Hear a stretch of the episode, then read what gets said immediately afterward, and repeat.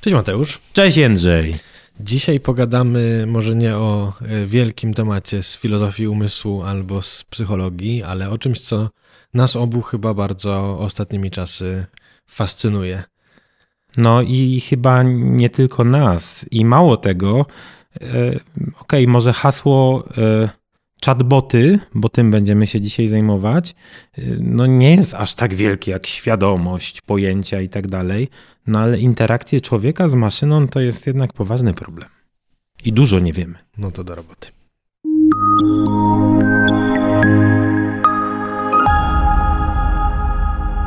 Okej, okay, to, to zacznijmy może od tego, dlaczego ten temat chatbotów, e, w ogóle sztucznej inteligencji ostatnio tak grzeje. Czy to jest temat, który się wywodzi sprzed pięciu lat i e, czy ma może jakąś dłuższą historię? Opowiesz nam krótko o tym? No krótko bardzo opowiem, że, musimy się cofnąć w tył i to tak no, grubo kilkadziesiąt lat. Jak gdzieś w latach 50., 60. Y, komputery, one były zupełnie oczywiście inne, jeśli chodzi o wygląd niż ten Mac, którego masz. Były wielkie, nieporęczne, ich moc obliczeniowa była mniej więcej jak kalkulatora, który sobie można kupić w kiosku za 15 zł i tak dalej, i tak mhm. dalej. Jak one jednak zaczęły zaczęły no, gdzieś wchodzić pod strzechy i przede wszystkim naukowcy zaczynali mieć pierwsze komputery, no to badacze umysłu i filozofowie no bardzo mocno się napalili na ideę sztucznej inteligencji. To w, w dwojakim sensie. Po pierwsze, że fajnie byłoby mieć taką sztuczną inteligencję e, i zastanowić się, jak ją skonstruować, jak do niej dojść. No po drugie, no twierdzili, że być może nasz umysł też jest taką sztuczną inteligencją, to znaczy działa jak komputer. Mm. No dobra, ale zostańmy nie przy naszym umyśle jako komputerze, tylko no po prostu przy komputerze. No jeśli miała być sztuczna inteligencja, niezależnie jak ona miałaby być zrobiona, w oparciu o jaką architekturę, jaki koncept by miał za tym stać, no to fajnie byłoby móc stwierdzić, że to jest sztuczna inteligencja.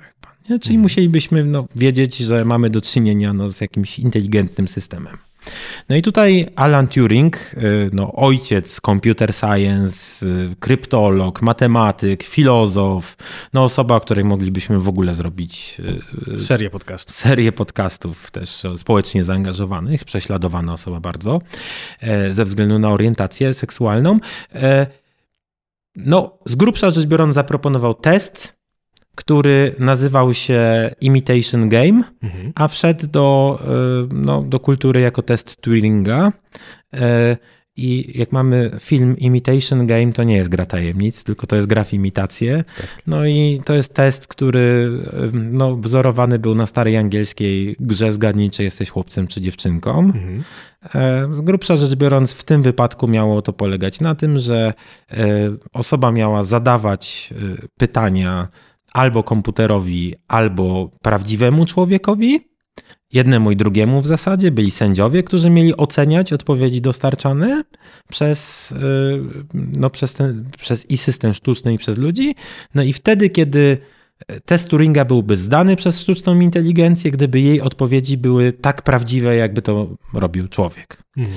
No i ten test Turinga był rzeczywiście dużym wyzwaniem, nawet ufundowano w pewnym momencie taką nagrodę. Ona się nazywa Nagrodą Lebnera, była przez kilka lat przyznawana dla twórców najlepszych botów terapeutycznych, to znaczy takich, które no, będą odpowiadać, naj, najlepiej podszywać się pod człowieka. Mhm. No i no, ta granica, ta granica Turinga, jak można ją nazwać, no, zbliżała się, zbliżała się. No, często ogłaszano przejście przez test, przez test Turinga, e, no ale wiecie Państwo, to, że tutaj do tanka trzeba dwojga, bo mamy porównywanie człowieka z komputerem, to no, nie tylko jest tak, że chatboty były coraz lepsze, no ale ludzie czasami też no, nie odpowiadają najlepiej. Tak. Nie? No dokładnie, ale o tym, o tym zaraz. Ja bym jeszcze na moment się zatrzymał, bo mówimy o sztucznej inteligencji, e, a y, tutaj, że tak powiem, u, u, podstaw tego samego sformułowania leży kolejne pojęcie, o którym można było mhm. nagrać odcinek albo dwa, czyli pojęcie inteligencji w ogóle. Mhm. Tak? Czyli e, my mamy jakieś założenia do tego, do, dotyczące tego, czym inteligencja jest. I teraz no, można to robić na, na, na różne sposoby do tego tematu tak. podchodzić. Można próbować szukać jakiejś definicji inteligencji.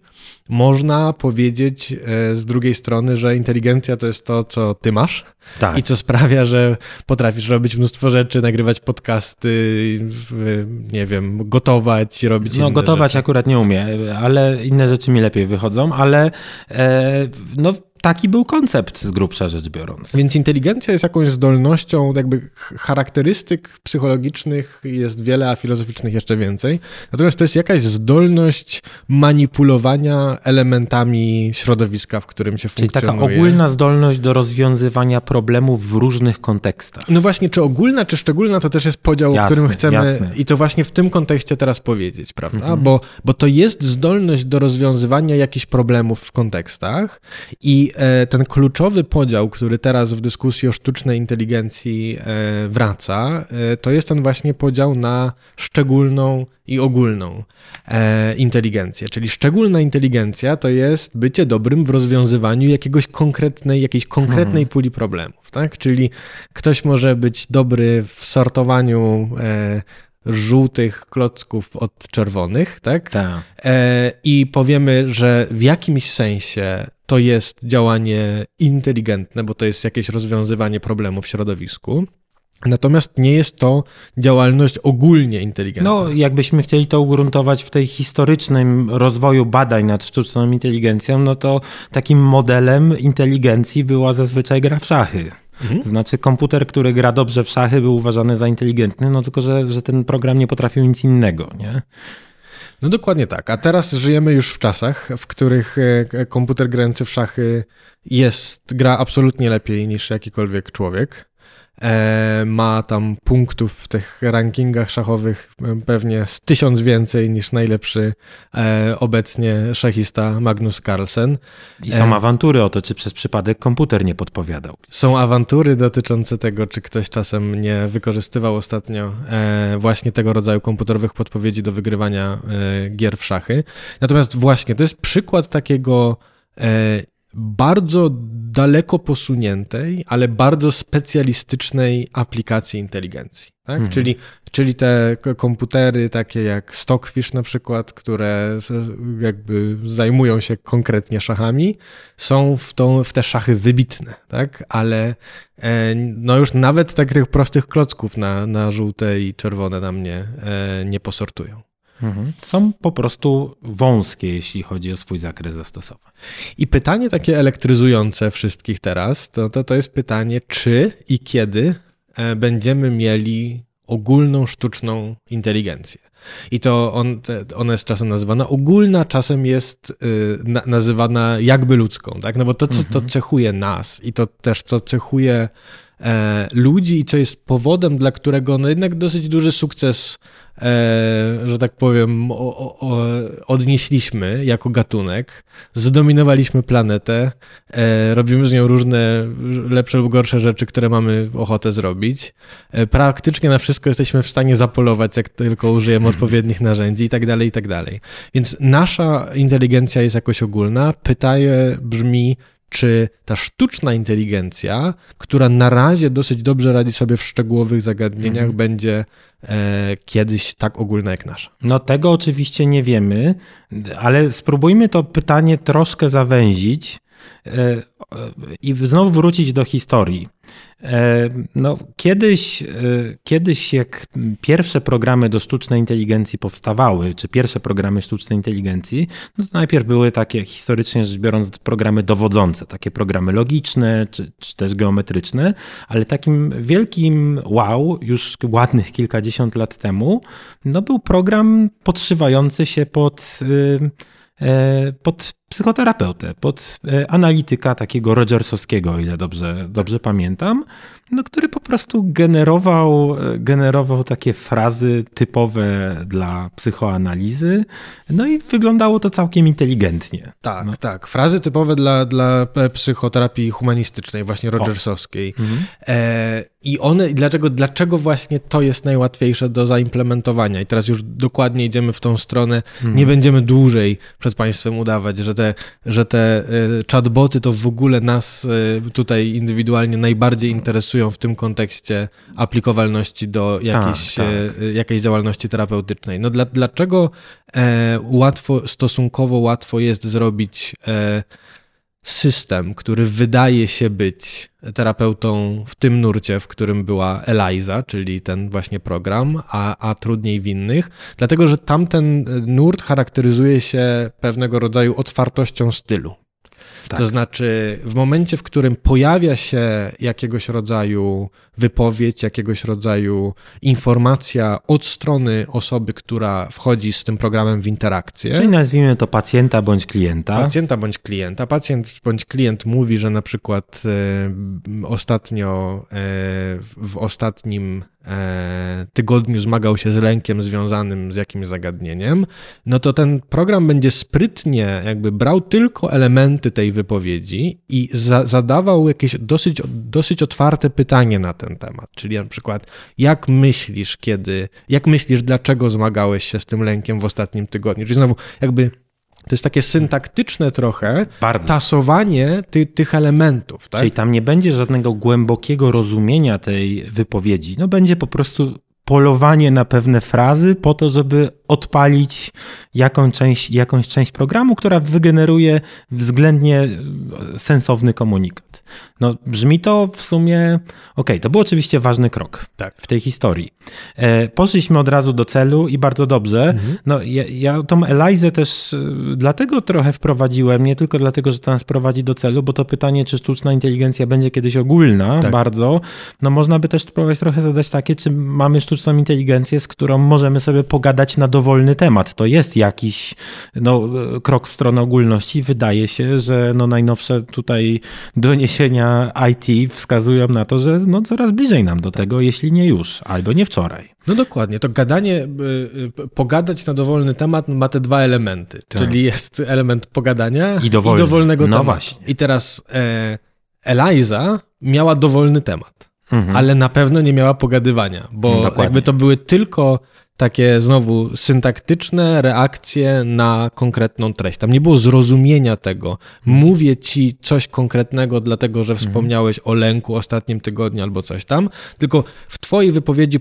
pojawiły się elementy, które ja sobie ponumerowałem X, Y, Z tak. i zadam ci jakieś ogólne pytanie, co tam sądzisz o X, Y, Z? Gdybyś mi powiedział, że ceny jabłek wzrosły, to zadałbym ci pytanie, które traktuje treść ceny jabłek wzrosły dokładnie w ten sam sposób, w jaki moja wypowiedź potraktowała treść, e, tam odczuwałem lęk w ubiegłym tygodniu. No to dobra, to wiemy, że ta Eliza z dzisiejszego punktu widzenia, oczywiście nie chcę zaprzeczać temu, że to był ważny krok na, no, w rozwoju IT, nazwijmy to tak, czy nawet w szum nie mówiąc sztucznej inteligencji, no ale z dzisiejszego punktu widzenia, no to żadna to inteligencja, może sztuczna, ale nie inteligencja. No a czy ten program można w ogóle rozpatrywać jako mający jakieś walory terapeutyczne, no on miał, miał, tego, e, miał tego e, terapeutę Rogersowskiego naśladować, ale czy to w ogóle była terapia, czy nie było? To jest, to jest bardzo ciekawe pytanie. I to też jest związany jeszcze z takim aspektem, który Eliza jakoś pokazała, czyli ten, tym aspektem nabierania się na to, że system, w którym wchodzę, z którym wchodzę w interakcję, E, jest systemem inteligentnym, czy, czy wręcz jest osobą, tak? Bo e, przynajmniej takie anegdotyczne chodzą dowody, że e, byli ludzie, którzy nabierali się czatując z Elizą, sądząc, że, że czatują z, z człowiekiem, że po drugiej stronie jest człowiek.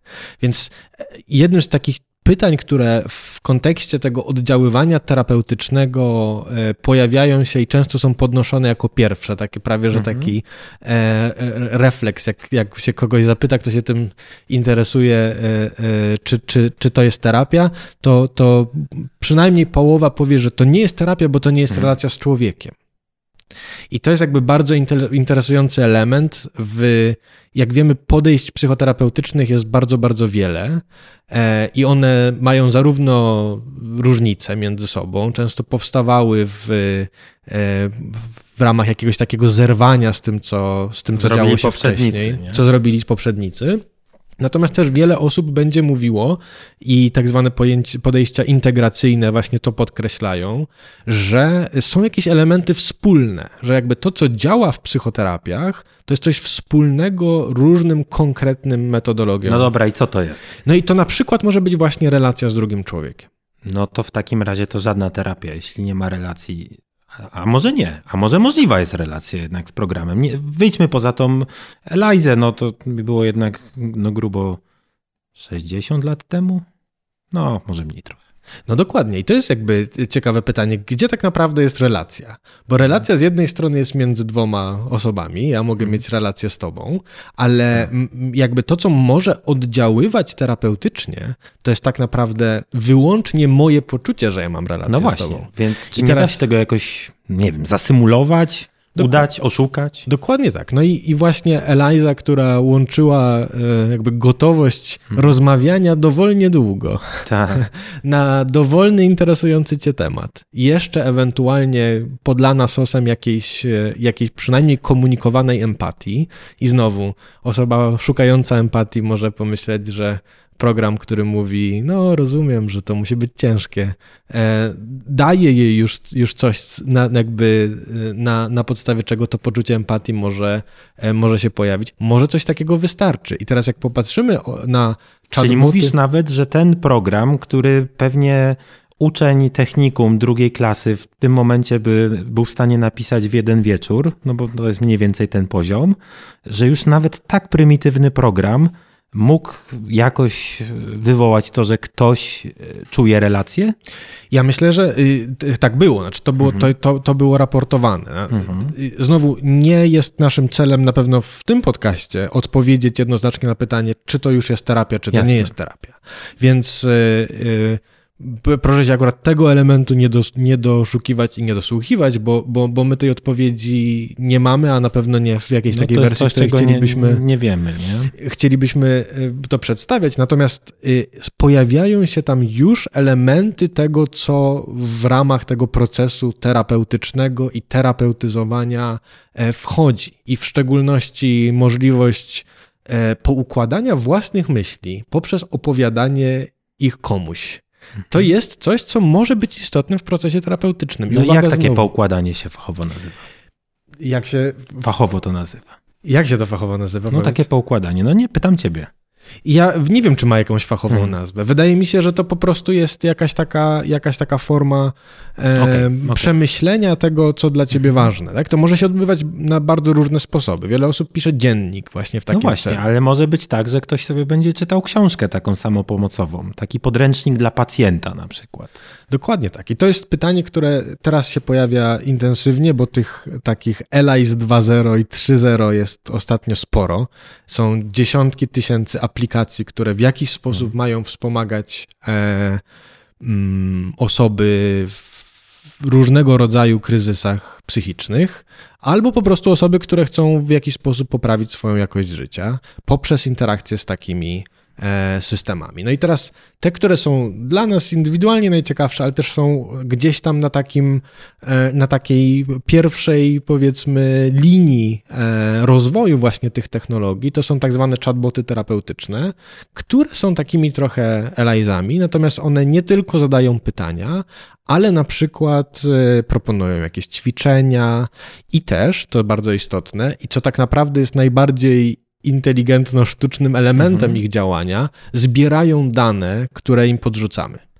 Czyli e, w taki sam sposób, w jaki algorytm na moim Spotify e, mhm. będzie e, uczył się, że lubię e, taką muzykę, a nie lubię innej, trochę w taki sposób te aplikacje będą uczyły się na jakie na przykład sposoby interweniowania e, w momencie, w którym mam jakieś problemy, ja reaguję najlepiej, które oceniam najlepiej, kiedy spędzam najwięcej czasu w aplikacji, wykonując ćwiczenia i tak dalej. No ale to wiesz, to już brzmi trochę jak człowiek, który coś ci każe zrobić, czegoś się o tobie dowiaduje, e, personalizuje jakby swoją interakcję z tobą, to znaczy no nie, nie jest po prostu takim tępym nasłuchiwaczem na jakieś komunikaty, żeby coś wygenerować, tak? No, to jest bardzo duży krok. To jest bardzo duży krok, oczywiście. No i dlatego to pytanie takie najciekawsze jest jakby, gdzie właśnie między, powiedziałeś o książkach samopomocowych, mm. gdzie między książką pomocową a, yy, a terapią z drugim człowiekiem znajduje się e, interakcja z taką aplikacją. I teraz e, odpowiedzi e, na to pytanie będzie bardzo wiele. Będzie. I będzie bardzo wiele jakby powodów, dla, którego, dla których ktoś może chcieć pójść raczej w jedną stronę, a ktoś raczej w drugą. Tym takim kluczowym, do którego chciałbym wrócić, bo, bo jest istotny, jest to, że musimy pamiętać o tym, że tych podejść właśnie terapeutycznych, czyli sposobów rozumienia, czym proces terapeutyczny jest, jakie ma cele, jakie ma elementy składowe, jest wiele. Mhm. I teraz e, będą takie, które będą dużo bardziej skore, żeby uznać, że interakcja z aplikacją terapeutyczną jest już zasadniczo terapią. No to jakie to podejście będzie? No, no i to jest, po, to jest przede wszystkim podejście poznawczo-behawioralne, e, które zresztą, jak czytamy specyfikacje e, tych e, aplikacji naj, naj, najpopularniejszych na rynku, nie będziemy teraz wrzucać żadnych ich nazw, bo to też po pierwsze nie o to chodzi, po drugie to się będzie bardzo źle starzało, bo tych produktów tak, będzie... Poza tym powiedzmy sobie szczerze, że no cechy tych różnych programów są dość podobne akurat i no nie ma to większego Dokładnie. sensu, żeby ich rozróżnić. Więc nas, nas jakby interesuje sam zamysł w tym, w, w tym, w tym Ale czekaj, to najpierw zanim ten mhm. zamysł, to tak dla naszych słuchaczy, którzy coś tam słyszeli o psychoterapii, coś może słyszeli o tych chatbotach, tak. no to czy ja dobrze rozumiem, że jeśli ktoś z naszych słuchaczy chodzi do e, takiego terapeuty w nurcie jakimś takim bardziej analitycznym, takim bardziej psychodynamicznym, psychodynamicznym właśnie, mhm. tak, to jak, to jak zapyta swojego terapeuty, czy chatboty mają sens terapeutyczny, to, to on powie, e, co to jakieś bzdury są, ale jak chodzi na terapię poznawczo-behawioralną i zapytałby psychoterapeuty, to jest większa szansa, że taki prawdziwy terapeuta mógłby przyznać, że to może mieć jakiś sens w świetle założeń tej teorii. Ja bym powiedział, że jest większa szansa. Mhm. I jestem przekonany, i niech to wybrzmi, że będą zarówno terapeuci poznawczo-behawioralni, może nawet u nas w komentarzach pod tym odcinkiem. Zapraszamy terapeutów. Mówili, zapraszamy, oczywiście, jesteśmy bardzo ciekawi, jak to od strony, od strony praktyków wygląda, którzy powiedzą, że to nie ma żadnego sensu, albo mhm. prawie żadnego. E, będą tacy psychodynamiczni, którzy powiedzą, E, jest to jakiś rodzaj działalności, który może mieć swoje, no jeżeli pisanie dziennika może mieć tak. jakąś funkcję regulacyjną, może Albo coś nawet mi robić. czytanie tego podręcznika i robienie z niego zadań. To przecież terapeuci polecają swoim klientom, pacjentom książki, tak? Dokładnie tak. Więc, więc znowu nie, nie zastanawiając się nad ogólnym zarysem problemu, nie mówimy, że na pewno będzie tak, że jeżeli ktoś jest pod jakąś tam łatką, funkcjonuje, to powie coś mm -hmm. na mhm. drugi. To jest, to jest właśnie jakby bardzo, bardzo ciekawe. Wydaje się, i to jakby można powiedzieć tylko o tym, co jest w założeniach tych aplikacji, i najczęściej to jest dosyć szczegółowo opisane. Czyli myśl jest taka, że z grubsza E, rodzaj pracy terapeutycznej, który jest ułatwiony e, interakcją z aplikacją, to jest coś w rodzaju terapii, jest oparty na założeniach, i o tym jest często mowa, terapii poznawczo-behawioralnej. I teraz wiele osób powie, i to wydaje mi się, że obecnie jest jakaś taka najbardziej wyważone stanowisko na ten temat, że, że tego rodzaju praca jest dobrym rodzajem wsparcia Aha. dla pracy terapeutycznej. I teraz w terapii poznawczo-behawioralnej w szczególności, znowu nie wszyscy, ale niektórzy terapeuci będą używali e, jakichś zadań domowych. Będą prosili e, klientów czy pacjentów o to, żeby wykonywali jakieś zadania między sesjami terapeutycznymi. Znowu sesja terapeutyczna to jest godzina, dwie godziny w tygodniu. Natomiast, natomiast mnóstwo pracy można odbywać w, w, czasie pomiędzy. I teraz ta praca może albo się opierać na jakichś zadaniach, które terapeuta ci wskaże, albo może się opierać na, na przykład pracy właśnie z jakimś podręcznikiem terapeutycznym, a może to na przykład może być tego rodzaju interakcja z chatbotem, z którym mhm. piszę i mówię na przykład, otwieram sobie, bo, bo też po, powiedzmy może jak to wygląda. To jest do, to jakby, mówimy o chatbotach, które są aplikacjami w telefonie, bo wyjmuję telefon z kieszeni, włączam aplikację e, i tam na przykład jest przyjemny robocik, który, z którym wchodzę w interakcję i który mnie pyta, o Jędrzej, co tam słychać? Dawno cię nie widziałem. A ja mówię, no ostatnio czuję się tak i tak. tak. I on znowu no niestety jeszcze cały czas trochę elajzowo. Będzie rozpoznawał jakieś takie elementy, już trochę będzie je semantycznie analizował. Ale będzie pewna sztuczność tej interakcji. Będzie sztuczność interakcji, ale też będzie taka właśnie jakby, niedo, jakby bardzo częściowe zrozumienie. Tak, ja mogę powiedzieć, że, że znowu ostatnimi czasy zmagam się z tremą przed nagrywaniem podcastów i on wtedy mnie pewnie zapyta, czy dobrze zrozumiałem, że jednym z problemów, z którymi się zmagasz, jest lęk? Tak? tak. Mówiliśmy o pojęciach i o kategoryzacjach tak, tak. w poprzednim, jednym z poprzednich podcastów. Więc on znowu dokona jakiegoś rodzaju klasyfikacji i wyrzuci nam pewnego rodzaju praktykę, która może być pomocna w takiej sytuacji. Pytanie, czy to jest bardzo różne od tego, e, gdybym wziął e, jakąś książkę samopomocową, otwarł ją na indeksie mhm. i zjechał sobie lęk strony 66-68, tak. otwieram te strony i dostaję tak. to samo ćwiczenie, które podrzucił mi telefon. No ale wiesz, e, możemy wybiec w jakąś niedaleką przyszłość, myślę tutaj kilka lat, no to wydaje mi się, że no, nazwijmy to górnolotnie przetwarzanie semantyczne tych chatbotów będzie znacznie lepsze. No to trochę tak jak wiesz, e, Google Translator kilka lat temu, no to był takim głupkiem raczej, natomiast teraz Google Translator to robi czasem takie wow, że sobie myślę, że tłumacze będą tak. musieli sobie szukać zupełnie innej pracy, że tłumacze, dobrzy tłumacze zostaną redaktorami książek, bo Google Translate robi e, naprawdę nie, niezłą robotę i to nawet w kontekstach bardzo specjalistycznych, więc e, spodziewam się, że spodziewam się, że to po prostu będzie lepsze, nie? Ale są pewne pytania, które jakby są wciąż niezależne od tego, czy ten chatbot będzie trochę lepszy w rozumieniu tego języka naturalnego, czy nie. No, czyli czym będzie na przykład? No, jest pytanie, jest pytanie o to, czym będzie. Jest pytanie, y, jakby z tym związane jeszcze, czym teraz powiedziałeś, jest to pytanie znowu o ogólność inteligencji. Mhm. To znaczy, pytanie, czy proces terapeutyczny jest jak szachy, czy nie jest jak szachy? I teraz y, szachy y, czym się cechują? bardzo ograniczoną ilością zasad. Tak. Ograniczona ilość zasad i możliwych ruchów generuje nam gigantyczne ilości kombinacji. E, OK, i dlatego im lepszy komputer, tym jest w stanie głębiej obliczać to, co tam wychodzi w danych ustawieniach na szachownicy i tak dalej.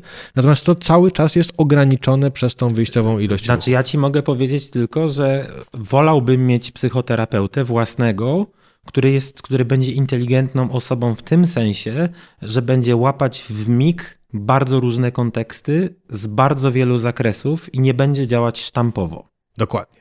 No i teraz... Ale to jest moja preferencja. Nie to... każdy się z tym zgodzi, bo nie wiem, bo być może e, gdyby ktoś miał, nie wiem, problem pod tytułem, nie wiem, jakieś zaburzenie lękowe, nie wiem, boi się pająków e, i, i będzie jechać jakimś takim protokołem terapii poznawczo-behawioralnej, to może nie będzie to potrzebne, więc to jest moja tylko preferencja. Dokładnie, więc pytanie jest takie, jakby pierwsze stadium, czy to jest tylko zadanie domowe w lepszej trochę wersji podane, na przykład mhm. dlatego, że łatwiej nam wchodzić w interakcję z telefonem niż nosić ze sobą ciężką książkę. Drugie pytanie, czy dla konkretnych rodzajów problemów tego rodzaju takie ustrukturyzowane, wąskie działanie jest możliwe? No i jest trzecie pytanie, no to jest to pytanie, w którym wraca pojęcie ogólnej inteligencji, czyli czy, e, czy do tego, żebyśmy nazwali interakcję z chatbotem e, terapią, wymagane będzie przekroczenie przez nas technologicznie tej granicy ogólnej inteligencji. Mhm. Czyli pytanie jest takie, czy e, problem, jakim jest prowadzenie procesu terapeutycznego, rozpada się na proste problemy. Jeżeli, kto, jeżeli komputer jest z grubsza dobry w szachy, w Go i tam jeszcze kilka innych gier, to można tak, z tego tak, posklecać tak, tak, jego tak. bycie terapeutą. Tak. Czy może to wymaga takiej elastyczności pełnej, takiej właśnie human-like, tak jak u człowieka ogólnej inteligencji? No i to jest y, bardzo ciekawe pytanie. No na ogólną inteligencję czekamy. Niektórzy twierdzą, że nie czekamy, bo, bo to, ta granica nigdy nie zostanie prze, prze, Albo, że już jest, ale to jest raczej, powiedzmy, nie, trudno by to było wykazać. Niektórzy mówią, że, że już jest, ale to często też jest jakiś taki efekt chyba ich bycia pod wrażeniem jakichś tak. nowych odkryć, tak jak teraz y, OpenAI, y, jedna z firm znowu wiodąca w tej dyscyplinie, wypuściła dosłownie parę tygodni przed tym, jak nagrywamy nagrywamy ten podcast, y, to GPT-free, czyli tak. ta, ta, taką właśnie kolejną iterację, kolejną wersję tego tej sztucznej inteligencji, z którą, którą można na przykład poprosić o to, żeby napisała ci esej o Kartezjuszu, e, tak jakby rapował to Eminem i robi to rzeczywiście bardzo zgrabnie. No ja się bawiłem tym dosłownie chwilkę i zamierzam więcej trochę, może bliżej świąt, natomiast no, moi znajomi i naukowi i w ogóle nienaukowi na Twitterze i Facebooku wrzucają po prostu niestworzone rzeczy tak. i jak ja je czytam, sobie myślę wow. Czyli podsumujmy sobie krótko, bo znowu problemów jest wiele i one są na różnych poziomach. Tak. Są problemy związane z zagadnieniem w ogóle tego, czym jest inteligencja, kiedy zaczyna być ogólna. To, tak. są, to są pytania, które mamy i które będą wracały w kontekście AI. Są pytania związane z, e, już bardziej szczegółowo, z aplikacją tych chatbotów do celów, jakim na przykład jest wspomaganie kogoś w kryzysach zdrowia psychicznego, tak. czyli, czyli terapia. Znowu, e, ja na chatbota na stronie mojego banku się mogę wściekać, ale to jest jakby mniej ryzykowne. To może być ryzykowne dla, dla ekranu mojego komputera, jak tam wymachuję rękami, natomiast to jest mniej ryzykowne niż jeżeli bym temu chatbotowi oddał w ręce na przykład mój jakiś atak paniki tak, albo tak, jednego rodzaju kryzys. Oczywiście. Więc e, Tutaj jest mnóstwo ciekawych pytań. Po pierwsze o to, czym inteligencja jest, jak może, w jakie może wchodzić interakcje, na ile możemy my mieć poczucie, że wchodzimy w interakcję z czymś inteligentnym, co to poczucie razem z jakimiś tam umiejętnościami i technikami implementowanymi przez system może zrobić dla poprawienia naszego dobrostanu. Jedna rzecz, którą myślę, że warto wspomnieć na sam koniec, albo nawet dwie. Pierwsza jest taka, że znowu, jakby my bardzo staramy się to przedstawić w formie otwartych pytań. Tak jest. Bardzo kibicujemy. E, na przykład ja, jak, ja bardzo kibicuję, wiem, że w, są polskie próby mhm. rozwijania tego rodzaju aplikacji, są oczywiście zagraniczne. E, jestem przekonany, że badania idące w tą stronę są super ważne. Tak jest. E, to, o czym mówimy, to jest to, jest to, to, jest to jakie jakby to rodzi obawy, jakie to rodzi tak. pytania.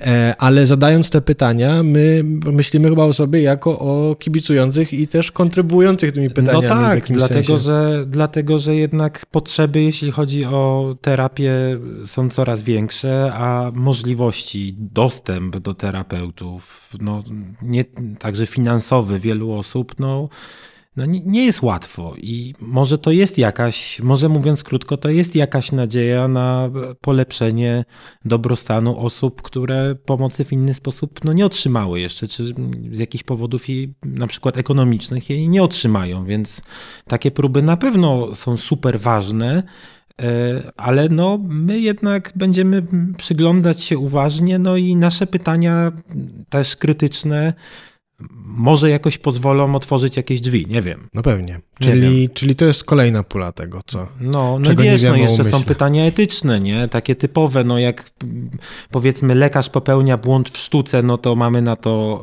mamy na to paragraf. Jak psychoterapeuta popełnia, no e, to niekoniecznie mamy konkretny paragraf, natomiast no, możemy dochodzić naszych praw, chociażby na drodze po prostu cywilnej, no nie? No ale z chatbotami terapeutycznymi e, może być analogiczny problem jak etyczny czy prawny, jak z samochodami samobieżnymi, że tak, znaczy no takimi tak. samosterującymi się. No jak taki samochód kogoś strzeli, no to kto za to odpowiada? Producent, użytkownik, ten no i ten. I w, w kontekście terapeutycznym też pojawia się jakby mniej ogólne, bardziej specyficzne zagadnienie etyczne, czyli takie zagadnienie, które tylko sygnalizujemy tutaj. E, pytanie jakby, gdzie mm, chcemy, żeby w jakiej, w jakiej płaszczyźnie chcemy, żeby pomoc psychologiczna mhm. się odbywała?